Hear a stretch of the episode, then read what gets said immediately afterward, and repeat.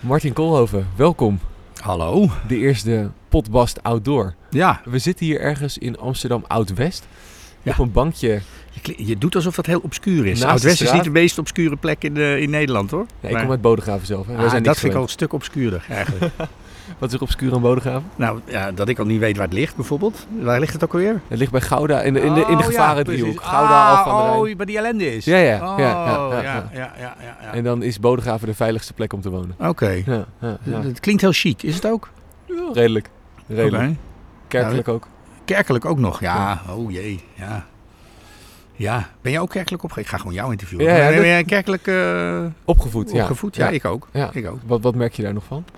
Nou, ik heb een film gemaakt die erover gaat, Ja. hè? dus eh, over religie dan. En eh, tenminste over gaat, dat is een groot onderdeel ervan. En, eh, ehm, en ik ben opgevoed Nederlands hervormd. Dat is nu bij de protestantse kerk getrokken.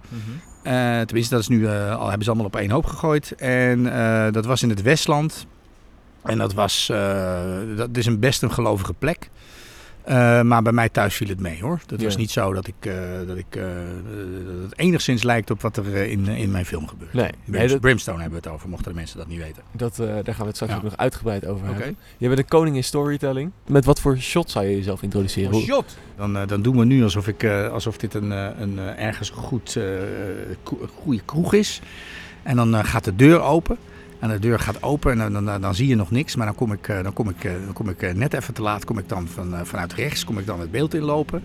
En dan, dan snij je naar mijn, mijn, mijn cowboy boots. En dan tilt je zo langzaam omhoog. Een beetje van onder gefilmd.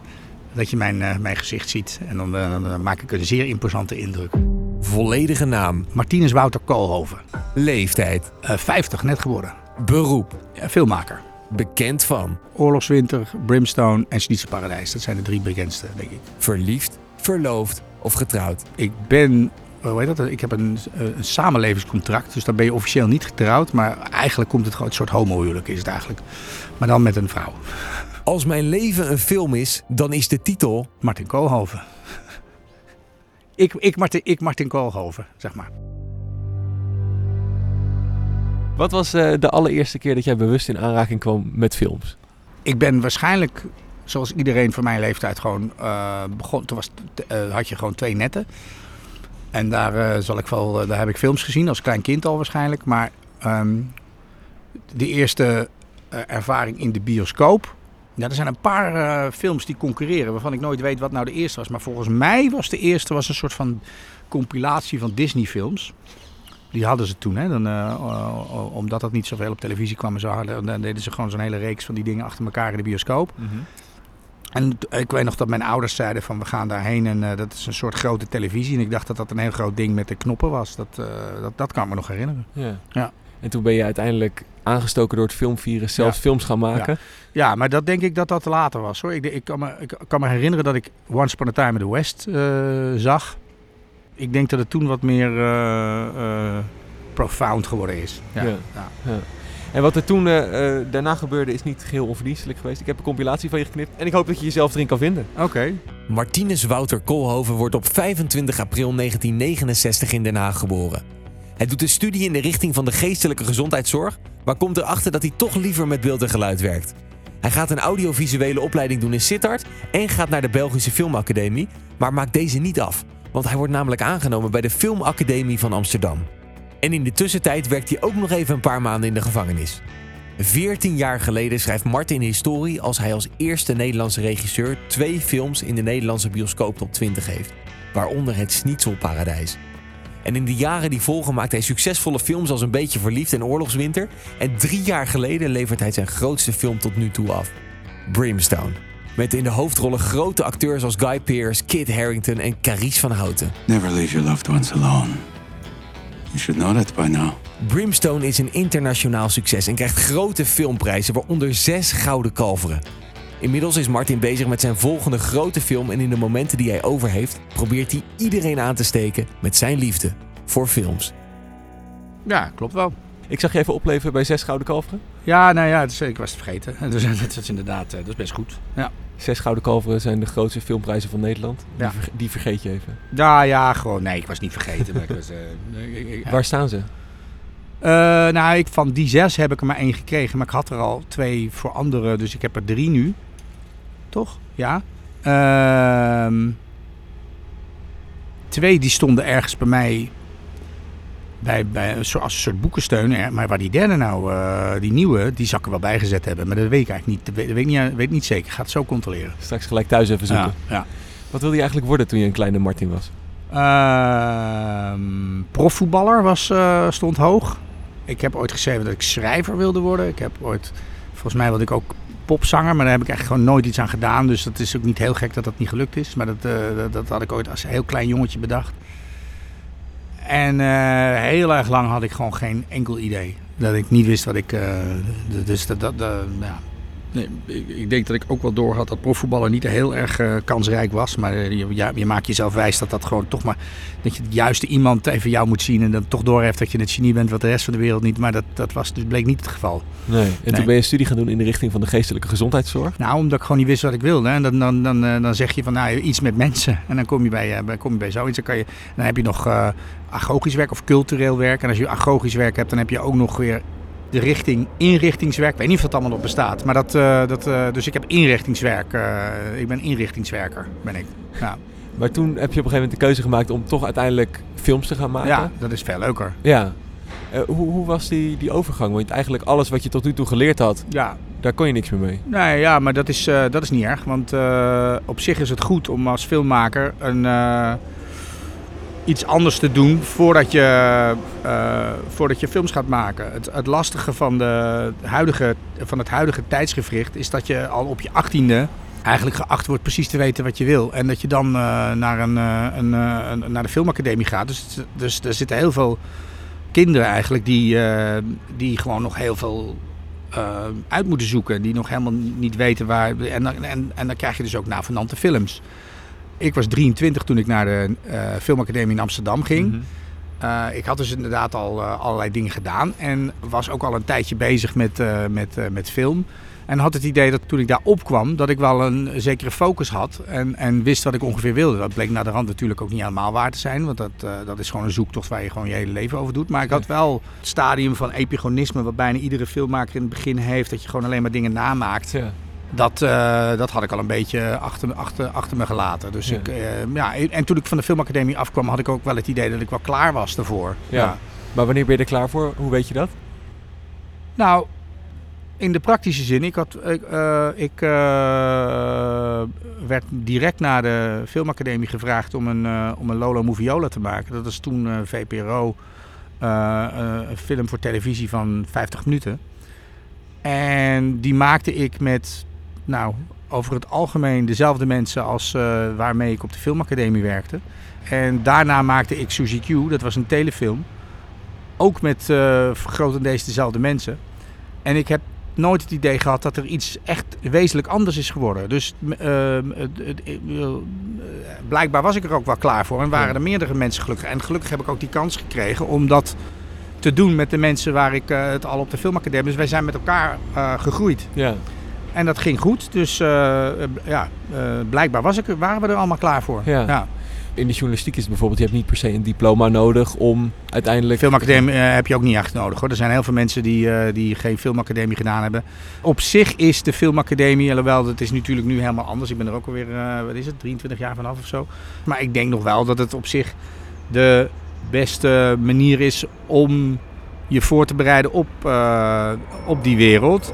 Alleen ja, het- het- niet iedereen gaat, dat, eh, gaat in de eredivisie spelen. Nee. En eh, niet iedereen haalt eruit wat erin zit. Maar het- ik bedoel, er zijn ook andere manieren. Alleen eh, ehm, wat heel belangrijk is, is dus één, dat je met allerlei mensen zit die, die later, waar je later ook mee gaat werken als je geluk hebt. En wat heel belangrijk anders is dan andere filmacademie en ook heel veel andere audiovisuele opleidingen, is dat het een opleiding is waar jij bent de regisseur, maar de cameraman is ook echt iemand die tot cameraman wordt opgeleid. De Mhm. geluidsman wordt ook echt tot geluidsman opgeleid. Je hebt ook nu tegenwoordig, dat had je toen niet, maar had je ook art direction. Redelijk goed speel je eh, na wat je daarna de rand gaat doen. Ja. En het andere is dat het eh, één been eh, in de filmwereld heeft. Dus de, de, de, de producenten en zo, die kijken er ook allemaal naar. Dus op het moment dat jij iets maakt dat ehm, eh, goed gevonden wordt, dan, dan sta je al 1-0 voor. Want Ja. dan, mensen hebben het gezien, weten, weten wie je bent. Bij mij was het zelfs mijn derdejaarsfilm. Die, eh, ehm, die gewoon alleen op, de, op school in de eerste instantie eh, vertoond werd. Maar daar zaten gewoon een, een aantal jonge producenten in de zaal. En die benaderden mij al in, tijdens mijn, mijn, mijn eindexamenjaar. Ja. En daaruit is gekomen dat ik eh, eh, de eerste films die ik gemaakt heb. De, de eerste eh, film die ik maakte was dus Duitse Licht. Dat kwam door Jeroen Beker. Die, had, die zat in de zaal. En mijn tweede, eh Suzy Q, was MJ Rechtsteiner. En die, diens vrouw die, die gaf les op de filmacademie. Dus ja, dan, dat is allemaal heel dichtbij. En hoe werd dat door je klasgenoten gevonden dat jij uitgekozen werd voor films? Gunnen ze je het? Nou, er is altijd een, eh, een, eh, een, een, een, een mate van competitie. En het was ook, om eerlijk te zijn, was ik toen ik afstudeerde, ik was niet het grote talent. Ik was eh, wel een van de mensen die, eh, die als talentvol werden gezien. Maar het grote talent, weet je wel, zoals je dat eens in de zoveel jaar hebt. Dan heb je iemand die eraf komt en iedereen van zegt dat Ian Kerkhoff had dat ooit. Zo zijn er wel meer. Eh, ehm, eh, David Lammers was dat ooit. Zo zijn er wel meer geweest. En in mijn jaar was dat Lodewijk Krijns. Dus Lodewijk Krijns die, eh, die had eh, een hele goede eindexamenfilm gemaakt. Lab Rouge heette die. Had ook trouwens een hele goede, misschien nog wel betere derdejaarsfilm gemaakt. Die heette Kutzooi. Die was al opgevallen in Rotterdam. Dus hij, nou, toen hij afstudeerde werd gewoon aan hem... ben jij de redding van de Nederlandse film? werd, werd toen gevraagd. Dat was een van de vragen die hij steeds kreeg. En om eerlijk te zijn, was ik wel jaloers op hem. Ja. En, eh, en wij waren ook wel bevriend, dus dat maakte het ook wel een beetje lastig. Maar op een gegeven moment moet je dan gewoon in jezelf kijken en denken van... ja, maar wacht, ik ben gewoon, ik ben gewoon jaloers, joh. Ja. En eh, iedereen heeft zijn eigen pad, dus... eh, Vertrouwen op jezelf. Ja. ja. Ja. Waarom wilde je regisseur worden? En, en niet voor de camera staan bijvoorbeeld? Ja, ik, eh, ehm, ik vind dat gewoon niet zo interessant. Ik ben, ik, ik ben, ik ben echt... Ik hou van film. Het is niet zo dat ik alleen maar van acteurs hou. En acteren zelf, ik heb het, nu, ik heb het een paar keer gedaan. Ik vind het doodeng. Ik ben er ook niet per se heel erg goed in. Ja, het past gewoon meer bij mij. Ik bedoel, ik vind het ook wel leuk om soms op de voorgrond... te dus ik heb wel iets van ijdelheid dat, eh, dat, eh, eh, wat ook een beetje bij acteurs hoort. Ik hoef niet heel nodig een bekend iemand te worden. Nee. En ik ben nu een beetje bekend en dat vind ik eigenlijk wel leuk. Maar Ja. eh, als ik nu eh, mensen op straat mij eh, aanspreken, dan is dat altijd omdat ze geïnteresseerd zijn in film en daarom kennen ze mij. En, en, en de meeste vinden ze je films leuk en dan heb je een leuk gesprek. Maar als je een acteur bent, nou ja, gewoon echt een, eh, nou ja, bijvoorbeeld Carice, eh, om er iemand te noemen, waar ik natuurlijk een aantal keer mee gewerkt heb. Ja, die heeft niet alleen maar leuke dingen meegemaakt met, om, met de bekendheid. Nou ja, dan kun je ook zeggen, je hoeft niet als acteur niet per se bekend te worden. De meeste acteurs zijn helemaal niet bekend. Nee. ja, ik vind acteren ja, is voor mij te gelimiteerd. Het is niet, de lol van film is niet in, in een huid kruipen of het iets, iets laten zien. van- Want je bent ook maar een radertje in het geheel. Ik wil gewoon invloed hebben over die film. Ja. En dat is, dan ben je gewoon als regisseur eh, meer op de juiste plek. De grote baas. Ja, dat klinkt dan wel naar, maar dat, eh, dat, eh, ja, je bent artistiek verantwoordelijk, zoals dat heet. Ja. Hoe was dat toen jij van school afkwam? Namen mensen je ook gelijk serieus als regisseur? Ja, dat denk ik wel. Dat is, ik had, ehm, ik denk dat dat wel een van de redenen is dat ik gewoon snel aan het werk kwam. Ja, nou, het was omdat ze mijn derdejaars film zagen, maar het is ook wel zo dat, dat eh, mensen altijd wel door hadden dat ik. eh, ik maakte de indruk te weten wat ik aan het doen was, laat ik Ja. zo zeggen. En, eh, en als je film wil, ik zeg dat ook wel eens op de filmacademie, als, ik- als, als ik daar ooit een keer mensen spreken. Zeg, er zijn twee dingen die belangrijk zijn om goede films te maken. De ene is goede ideeën hebben. Dat is één. En het tweede is andere mensen kunnen overtuigen van die goede ideeën. En eh, die, dat tweede is eigenlijk, denk ik, belangrijker dan dat eerste. Eh, omdat, ah, stel dat je nou maar één van die twee talenten hebt en je hebt geen goede ideeën, maar je hebt wel die slechte ideeën, kan je heel goed overtuigend brengen. Dan ga je in ieder geval slechte films maken. Als je hele goede ideeën hebt en je kan, en je kan het aan niemand duidelijk maken dat dat goede ideeën zijn, dan ga je gewoon geen films maken. Nou, dan maar slechte films, toch? Ja. En, en hoe, hoe kan je die overtuigingskracht, kan je dat leren? Ja, ik denk wel dat je daar beter in kan worden. Het is wel iets wat je. Wat, eh, het is, denk ik, nou ja, god, weet je, ik bedoel, eh, dat geldt als voor iedereen kan leren voetballen. Maar niet iedereen eh, gaat, gaat bij talent. Ajax spelen. Nee. Zo simpel is het. Je bent regisseur, de grote baas eigenlijk. Artistiek verantwoordelijk, zoals Ja. je het zelf noemt. Dat betekent dat je ook minder leuke gesprekken met mensen moet voeren. Dat Valt wel mee hoor. Ja? Ja, nee, dat is. ehm, ja, je hebt het voordeel dat je dus eh, met heel veel mensen werkt. Dus in de eerste instantie, eh, het is een behoorlijk hiërarchisch systeem. Je communiceert vooral met, eh, met wat ze dan de heads of department noemen. Dat is tijdens het draaien, of Mhm. net voor, al in de voorbereiding. Dus dan heb je de director of photography, oftewel de cameraman. En met hem eh, praat je over wat je met, met, de, met de camera wil doen. Wat je voor lens je wil gebruiken, wat voor licht, al dat soort dingen. En hij communiceert dat dan allemaal weer verder naar, eh, naar zijn, zoals het heet, zijn gaffer. En die naar zijn bestboard en die naar de belichters. En, dat gaat zo, en zo heb je dat ook met al die andere dingen. In de voorbereiding, eh, of eigenlijk in de hele aanloop, nou dat hangt er vanaf of je zelf het scenario schrijft of dat je met een scenario schrijver werkt. Dan moet je dus, als je met een scenario schrijver werkt, moet je de scenario schrijver regisseren. En je hebt dan te maken met producent. En dan eventueel ook nog omroepfondsen en dat soort dingen. Maar daar heb je dan ook weer een producent bij die je daarmee bij helpt. Dus eh, de, de nare gesprekken zijn, eh, nou ja, bijvoorbeeld een nare gesprek kan zijn als je een afwijzing hebt. Dat je dan naar, een, eh, naar iemand moet die zegt van ik ga het niet doen. Nou, het ligt eraan wie het is. Of je zegt van nou, dan stik er maar in. Of dat je denkt van ik ga er nog een gesprek mee aan. En dat kan een nagesprek zijn. Maar bijvoorbeeld bij casten. Ja, je, er kan maar één iemand de rol krijgen. In principe heb je dan een casting director. En die communiceert dat dan weer naar al die acteurs van die niet doorgaan. Dus als je ze alleen, nou hoef ik niet te doen. Alleen als het, hè, als het mensen zijn die ik ken. Ik ken natuurlijk wel van, dan heb ik soms wel de neiging om zelf even op te bellen en dat te vertellen. Maar Ja. dat zijn niet echt nare gesprekken. En ik ben niet de regisseur die heel vaak mensen ontslaat en dat soort dingen. Dus dat is ook niet eh, eh, zo dat ik daar. eh, nee, ja, god, nare gesprekken zijn als. eh, dan, dan zit je eigenlijk meer in de, in, aan, de, aan de slechte kant van het verhaal. Dan is het dus inderdaad dat, je iets, dat iets niet doorgaat. Of dat een uitvoerend producent tegen je komt zeggen van. eh, die locatie die je wil, die, eh, die je wil niet. Nee. Die, ma- eh, kan je, of is te duur. Of die acteur die jij wil, die, die heeft nee gezegd. Of weet je, dat soort dingen. Dat zijn de nare gesprekken eigenlijk. En hoe flexibel ben jij dan? Nou ja, je moet flexibel zijn, anders word je gek. Maar je moet ook eh, eh, eigenwijs zijn en, en, en zo lang mogelijk doordrammen totdat het eh, wel ongeveer wordt wat je wil. Maar er komt een punt dat je, dat je en zeker in Nederland, waar je maar gewoon met gelimiteerde budgetten werkt, dat je creatief moet omgaan met de mogelijkheden die er zijn. Ja. Ja, ik, ik, ik geloof dan in, in de Johan Cruijff-doctrine dat elk nadeel heeft een voordeel. Dus op het moment dat er iets gebeurt wat je eigenlijk anders had ge- voorgesteld en ook gewild, dan, is het, dan moet het je gewoon je, je, je, je tweede natuur zijn om te denken: oké, hoe ga ik hier mijn voordeel uithalen? Hoe kan ik, eh, hoe kan ik, hoe kan ik als ik over een, tijd terugkijk naar dit moment, dat ik denk: ben blij dat het gebeurd is. Dat is eigenlijk de, de, de, de attitude die je moet hebben. Heb je die natuur eh, van jezelf? Nou, nee, ben ik niet van mezelf. Maar ik heb dat, dat, is echt iets wat, dat is echt iets wat ik geleerd heb. En Ja. hoe leer je zoiets? Door dat te beseffen. Ja. En als je dat beseft, dan, eh, dan, dan, dan, dan kun je jezelf daartoe zetten. Alleen dat is de ene keer is dat moeilijker dan de andere keer. Ja. Het ligt eraan wat het is en hoe groot eh, eh, het, eh, de tegenslag is. En, Ja. ja. ja. Want hoe, hoe deal jij met tegenslagen? Is het eh kop omhoog en weer verder?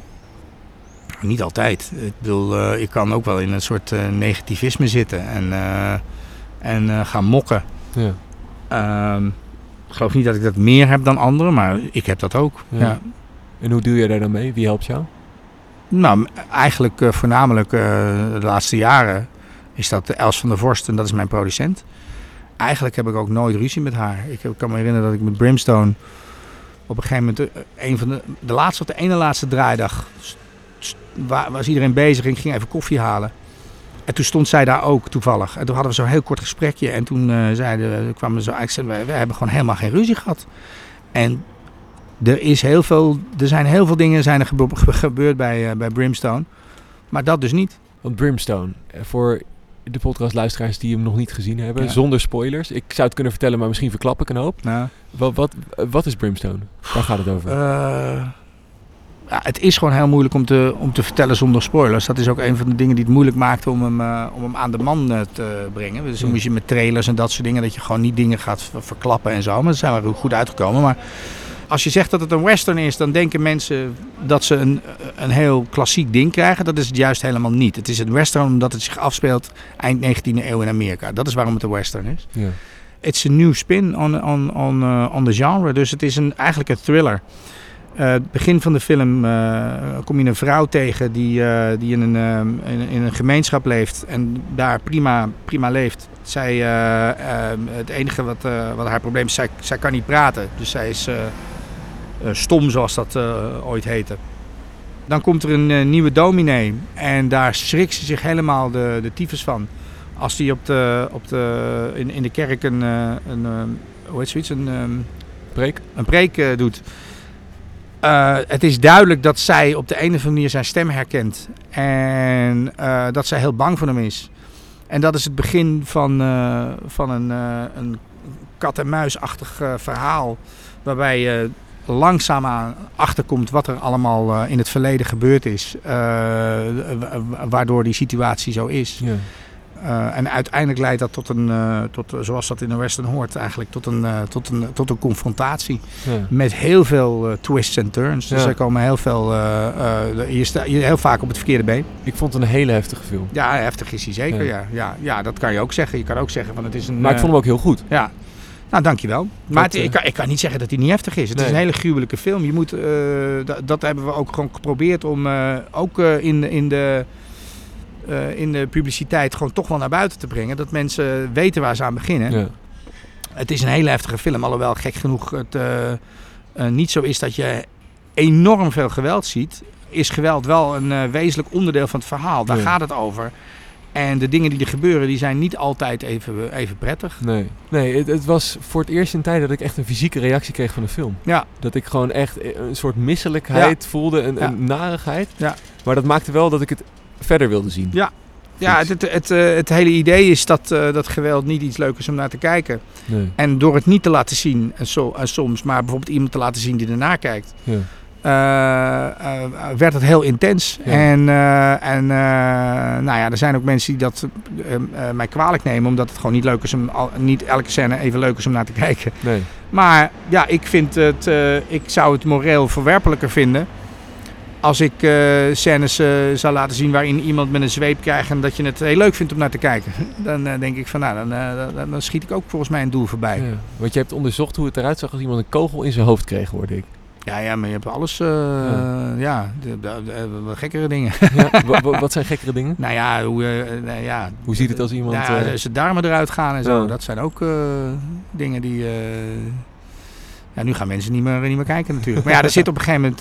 eh, en dat, eh, dat, dat zie je niet gebeuren. Maar je ziet op een gegeven moment wel het resultaat. ja.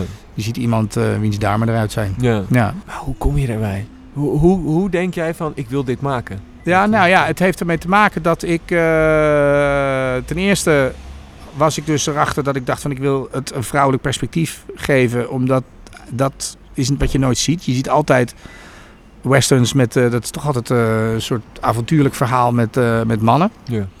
Maar ja, dat ging natuurlijk ten koste van de vrijheid van die vrouwen. Dus ik dacht, als ik het nou vanuit die kant belicht. Tegelijkertijd wilde ik een film maken die, die heel dicht ook bij Nederland stond. Ik kwam bij het Calvinisme en bij mijn eigen geloof eigenlijk. Tenminste, wat ik dan ooit, eh, zoals ik ooit op, ik geloof niet meer, maar waar ik ooit mee opgegroe- opgevoed ben. En eh, als je dan eh, de onderdrukking van vrouwen koppelt aan, aan, aan religie. Ja. Ten eerste is dat iets wat nog steeds heel actueel is. En ten tweede, ja, ik bedoel, wat er gebeurde was dat ik ging fantaseren. Ja, dan, als, je, als het onderdrukt, dan moet je ook gewoon all the way gaan. Ja. Ik had een, een, een bad guy die allerlei persoonlijke motivaties had om allerlei nare dingen te doen.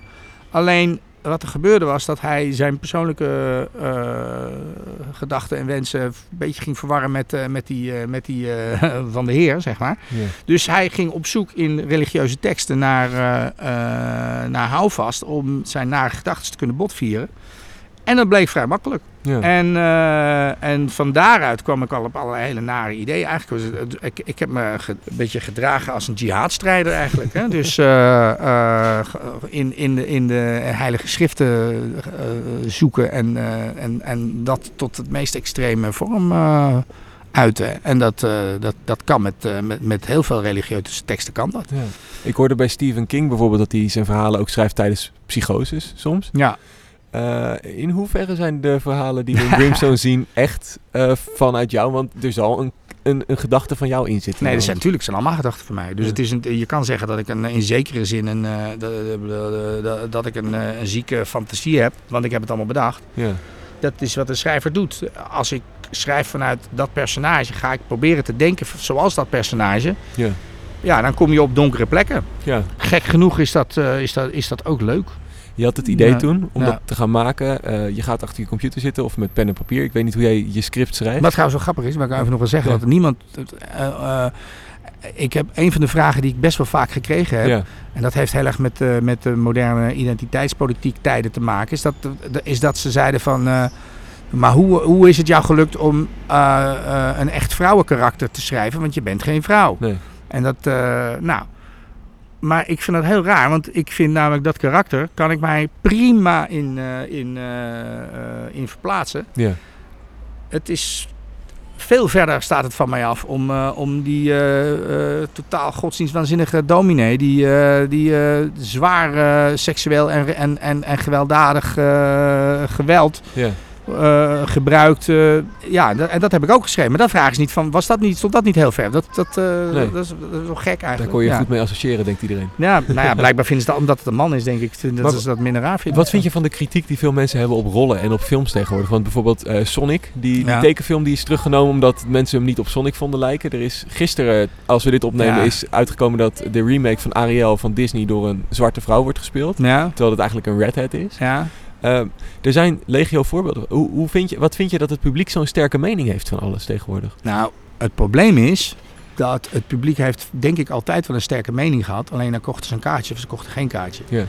En wat er nu gebeurt, is dat door, door met name social media, dat er eh, allerlei stemmen enorm eh, versterkt zijn. En daar, zijn, daar, eh, daar eh, flippen mensen van. Dus dat heeft, dat heeft zowel goede als slechte dingen opgeleverd. De, de hele MeToo-discussie. ja, dat is aanvankelijk vond ik dat heel goed en, en ook nodig. Want daar bleek Mhm. gewoon heel veel nare dingen aan de hand. Maar op, ondertussen is het een soort, hoe heet dat, lynchmobs zijn het geworden. Waarbij of, nou ja, een aantal mensen zich zeer fanatiek uiten. En grote organisaties zich daardoor eh, eh, laten leiden. Ja. Ik vind dat, eh, even los van of ze nou gelijk hebben of niet, ik Mhm. vind dat zo zorgelijk. Dat ik denk dat, dat dat uiteindelijk tot middelmaat leidt. Want je wil niet dat gewoon een kleine groep mensen zich op morele gronden zo eh, kunnen, wa- waardoor alles naar het midden trekt. Weet je? Nee. Dat is gewoon wat er gebeurt. Ja. En dan heb ik niet over of iemand don, weet je, bedoel, als, er een donkere James Bond komt, vind ik het prima. Ja. Maar het, het- gaat om het, eh, om het systeem. Ik vind daar, ik, ik, Want zo'n Kevin Spacey bijvoorbeeld, die dan jaren eh, een van de grootste Ja. acteurs van de, van de Ja. wereld is. Nou, Eh, het- het is heel moeilijk. Kijk, ja. ik snap best dat als jij eh, producent bent en je hebt een film met hem gemaakt. En eh, dit komt uit, dat je de volgende keer zegt, maar die gast, daar werk ik niet meer Nee. mee. Weet je, dat, eh, dat doe ik niet. Dat vind ik erg. Of dat vind ik niet erg. Nee. Maar ik heb stukken gelezen, moeten we zijn oude films toch kijken? Ja, sorry, maar die, die zijn gewoon goed. Ik bedoel, eh, heel- ik ga mezelf toch niet straffen omdat hij een lul is. Nee. En dan is hij ook nog eens nu dusdanig gestraft waarbij je af kunt vragen van je weet nooit helemaal precies wat er nou wel en wat er nou niet waar van is. Maar stel dat het wel waar is, dan vind ik ook nog wel eigenlijk dat hij gewoon, be- dat- bedoel dan, ik vind dat hij wel op, ondertussen best wel een tweede kans verdient. Ja. Ja, ik bedoel. Maar dit is eh, iets van deze tijd, hè? ook met Michael Jackson, met Dotan. Met, Ja. Je maakt een fout, het publiek valt nou ja, ik over bedoel, je de, de- kijk, ik bedoel, ene fout is de andere Nee, niet. Hè? Ik bedoel, eh, eh, als je gewoon stelselmatig kleine kindertjes eh, verkracht of weet ik veel wat, hè? stel Mhm. dat dat zo is, vind ik het niet heel gek dat daar, eh, dat daar consequenties aan verbonden zijn. Alleen normaal gesproken zouden de consequenties in de eerste instantie natuurlijk strafrechtelijk eh, horen te zijn. Nou, als dat dan op de een of andere manier spaak loopt, kan ik me dan weer vanuit de slachtoffers ook wel weer begrijpen. Dat ik denk, god, weet je wel, ik ga het gewoon roepen. En ik vind ik allemaal niet zo raar. Ik heb die documentaire niet gezien Van Michael Jackson. van Michael Jackson. Heel simpel. Ik vind namelijk zijn muziek goed. Ja, Hij is dood. ja. Ik ga helemaal niemand eh, er ook nog enigszins maar beter van worden als ik die documentaire kijk en daardoor voor mij die muziek besmet wordt. Dat heeft gewoon, dat heeft geen enkele. Ik, dus ik, ik heb daar gewoon, ja, maar dan leer je, nee, niks. Ik bedoel, ik weet dat er hele erge, erge dingen gebeuren. Ik heb andere documentaires gezien die heel vreselijk zijn. Ik heb daar vaker dingen over gelezen hoe mensen dat doen en zo. Ik heb daar gewoon, eh, ik heb daar gewoon geen zin in. Nee. Ik zie daar het, eh, het, het, eh, het nut niet voor mij in. Zouden meer mensen deze houding moeten aannemen? Dat vind ik wel. Ja. Ja. Ja. Kijk, het lastige is natuurlijk bijvoorbeeld zo iemand als, hoe heet die, die R&B-zanger, R. Kelly. R. Kelly? Omdat je dan weer met streams zit en dan streams, als je een cd draait, dat geld is al uitgegeven, maar streams, daar verdient hij dan weer aan en dat soort dingen. Maar ja, dan denk ik ook van ja, moet ik nou zo roomser dan de paus zijn door zijn muziek niet meer te draaien, zodat hij eh, 0,1 cent niet meer krijgt. Weet je, ik bedoel, ik weet het gewoon. Ik vind Nee. het lastig. Ik ben, uiteindelijk ben ik gewoon mezelf aan het straffen dan. Ja, ja. Ik heb daar een hele discussie. Ik vind dat lastig hoor. Want het is een beetje jouw. Hoe oud ben je? Ik ben 25. Ja, hartstikke millennial natuurlijk. Dus die, eh, die, ik, eh, ik heb die bijvoorbeeld eh, met Cesar Majorana wel eens over gehad. Die vindt dat je gewoon iedere uitgave, dat je daar eigenlijk over na moet denken. Over of dat wel, of dat geld goed terechtkomt. Weet je, dat je niet zomaar elk merk moet kopen. Dat je moet uitzoeken of dat Oh, zo, maar ja, ja, sorry, ik, is mijn leven gewoon te kort. Dan ben ik gewoon, denk ik, van een andere generatie en lui. Ja. Dat doe ik niet. Nee. Gewoon, daar heb ik gewoon geen tijd voor, geen zin Nee. in. Nee, dat merkte je bij Michael Jackson toen heel erg. Dat, dat eh, de persoon heel erg los kwam staan van de muziek. Ja. Want bij R. Kelly was het gewoon, oh fuck it, we flikkeren hem gewoon weg. Ja. En bij eh, Michael Jackson was ja, maar we vinden zijn muziek eigenlijk wel heel Ja, leuk. precies. Dat was nou lastig, maar dat merk je sowieso. Hè? Dat- Je Ja. merkt ook, je, je, hebt mensen die zijn heel extreem. Die zeggen Ja. meteen van hij mag niet. Maar je hebt ook een aantal mensen die wel degelijk eh, in de eerste instantie. Eh, Harvey Weinstein, ja, Ja. weet je, lul. Er ging Ja. al heel lang verhalen over dat het een klootzak was. Ja. Dus die, die, die, eh, die, eh, die mag aan de boom. Ja. Maar dan komt, want er kwam, hoe heet die, eh, die komiek? Ehm, Casey- Louis C.K.? Louis C.K., ja precies. Louis C.K., ja, dat, is, dat was een held van heel veel mensen die, die eerder zeiden van die... Nou, oh ja, maar wacht even. Maar dan, toen gingen ze in één keer nuanceren. Weet je wel? Nou is het ook zo dat wat hij gedaan heeft ook weet je, een stuk minder erg is. Dus, maar, maar het is wel grappig dat het dan toch... Dat speelt ook mee, hè? Want Ja. Michael Jackson, ja, dat was, ik weet nog dat hij doodging. Daar was gewoon iedereen fan van. Ja. Weet je, dat was gewoon iemand die, die crossed over... eh, eh, eh, of je nou van rock of van funk of Ja. wat dan ook had. Iedereen had wel een paar nummers van hem die hij goed vond. Ja. Weet je wel? Dus eh, Maar- een rare snuiter, maar... Ik ja. vind het vooral heel hypocriet, weet je. Want een, een half jaar geleden konden we eh, Michael Jackson dan in dat geval niet meer draaien. We, dat, dat mocht allemaal niet meer. Standbeelden werden weggehaald. En nu Ja. staat hij weer bovenaan alle lijstjes en is de Nou ja, grootste dat was al meteen hoor. Hij stond meteen aan, bovenaan alle Ja. Want, want het is nou, wat het, wat het, het eerste wat je ziet zijn organisaties. Dus bijvoorbeeld, eh, hij werd niet meer gedraaid op de radio. Nee, Omdat dan werden ze kwalijk genomen. Maar mensen thuis luisterden het gewoon. Het Ja. ging meteen omhoog, die, eh, die streams. ja. Er zijn heel veel organisaties die ook anders gefinancierd worden tegenwoordig. Dus als je, ik, ik ben ervan overtuigd. House of Cards. Hij heeft eigenlijk zichzelf opgeworpen, eh, of gesuggereerd dat hij misschien wel weer dat hij terug zou kunnen Ja. komen, toch? Dat was eigenlijk wat hij deed in dat filmpje. Nou, Viel de hele wereld eroverheen. Viel de hele wereld overheen. N- Netflix zegt no way. Nee. Als dat HBO was geweest, die, eh, die alleen maar eh, eh, pay-tv, waarbij je moet betalen Ja. om eh, dingen, dan zouden ze gedacht van wacht eens even, iedereen roept, maar ze gaan allemaal kijken. Misschien Ja. moeten we het gewoon doen. Ja. Netflix is een ander verdienmodel. Dat gaat over abonnees. Dus wat gaat er gebeuren als zij zeggen, ja we doen het, gaan er wel als mensen gaan kijken, maar dat is niet waar ze geld mee verdienen. Waar ze geld mee verdienen, zijn die fucking abonnees. Dus wat gaat iedereen doen? Iedereen gaat dan, eh, of iedereen, er gaan al social justice warriors gaan dan zeggen, jongens, je moet, gaan massaal mensen hun, hun, eh, Netflix. hun eh, Netflix-abonnement opzeggen. ja. En dat is gewoon, dat is waar de pijn zit. Ik was nog heel benieuwd hoe Ja. je dan, ehm, als jij Brimstone dat idee hebt om even de, terug te gaan naar dat verhaal van, jij, jij zit achter je computer met je, met je pen eh, of eh, ik, waar jij je script op schrijft. Jij maakt een, een verhaal. Is dat spannend dat je zo'n verhaal voor het eerst naar buiten moet brengen? Dat je denkt van, oké, dit, dit is Ja. tot nu toe heeft het allemaal in Ja, mijn hoofd dat gezeten. Is heel, dat is heel eh, eng. Ik vind het sowieso een heel kwetsbaar iets. Daarom schrijf ik ook zo langzaam en ook niet zoveel. Maar als je dan naar buiten gaat, eh, je bent gewoon ontzettend bang dat, eh, dat, het, eh, dat het allemaal kut is. Ja. Me- mensen zeggen altijd, je moet je eigen ding doen en je moet je niks aantrekken van anderen.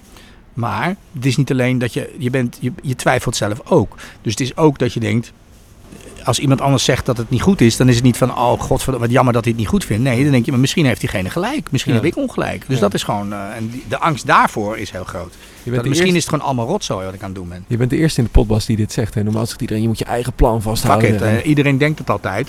Maar als er eh, tien mensen op een gegeven moment staan te schreeuwen van het moet anders, dan ga je twijfelen. ja. Dat is inherent aan, eh, aan ieder, eh, iedere persoon, weet je. En niet iedereen heeft ook altijd gelijk. Op een gegeven moment ga je, ga je, ga je zeker in je, in, je, in, je, in, je, in, je, in je verhaal worden en sterk in je schoenen staan. En dan kan je, kan je het aan. Nee joh, ik bedoel, eh, er was een moment toen Brimstone bijna af was. Dat, dat ze dat, op een gegeven moment de grootste financier ding, die, wilde, die werd in één keer bang. Daarvoor waren ze allemaal laaiend. Toen zei de sales agent, die zei van nou, maar ik weet niet of of we wel het geld ervoor kunnen krijgen wat wij van tevoren zeiden dat we hadden kunnen krijgen. Ik zei nou, dat is heel raar, want ik heb gewoon precies gedaan wat ik eh, beloofd had. En dat zeiden zij in de eerste instantie ook, die financiers. Maar die werden toch zenuwachtig, want die sales agents moeten het verkopen. Ja. En die, die gingen in één keer gingen ze zeggen van nou nee, weet je wat, eh, hij moet een half uur korter en dat soort dingen. En dat ging zo hoog ging dat op. Dat, toen wisten we dat we naar Venetië, de competitie, eh, gingen. Want die, hadden, die wilden hem hebben. Daar, weet je, dan word je dan ook wel door gesterkt. Ja. Dat die zeggen van we willen. Dat is gewoon een van de belangrijkste festivals in de wereld. En als zij het willen hebben, dan, dan, dan denk je van nou, dan zal het wel goed zijn.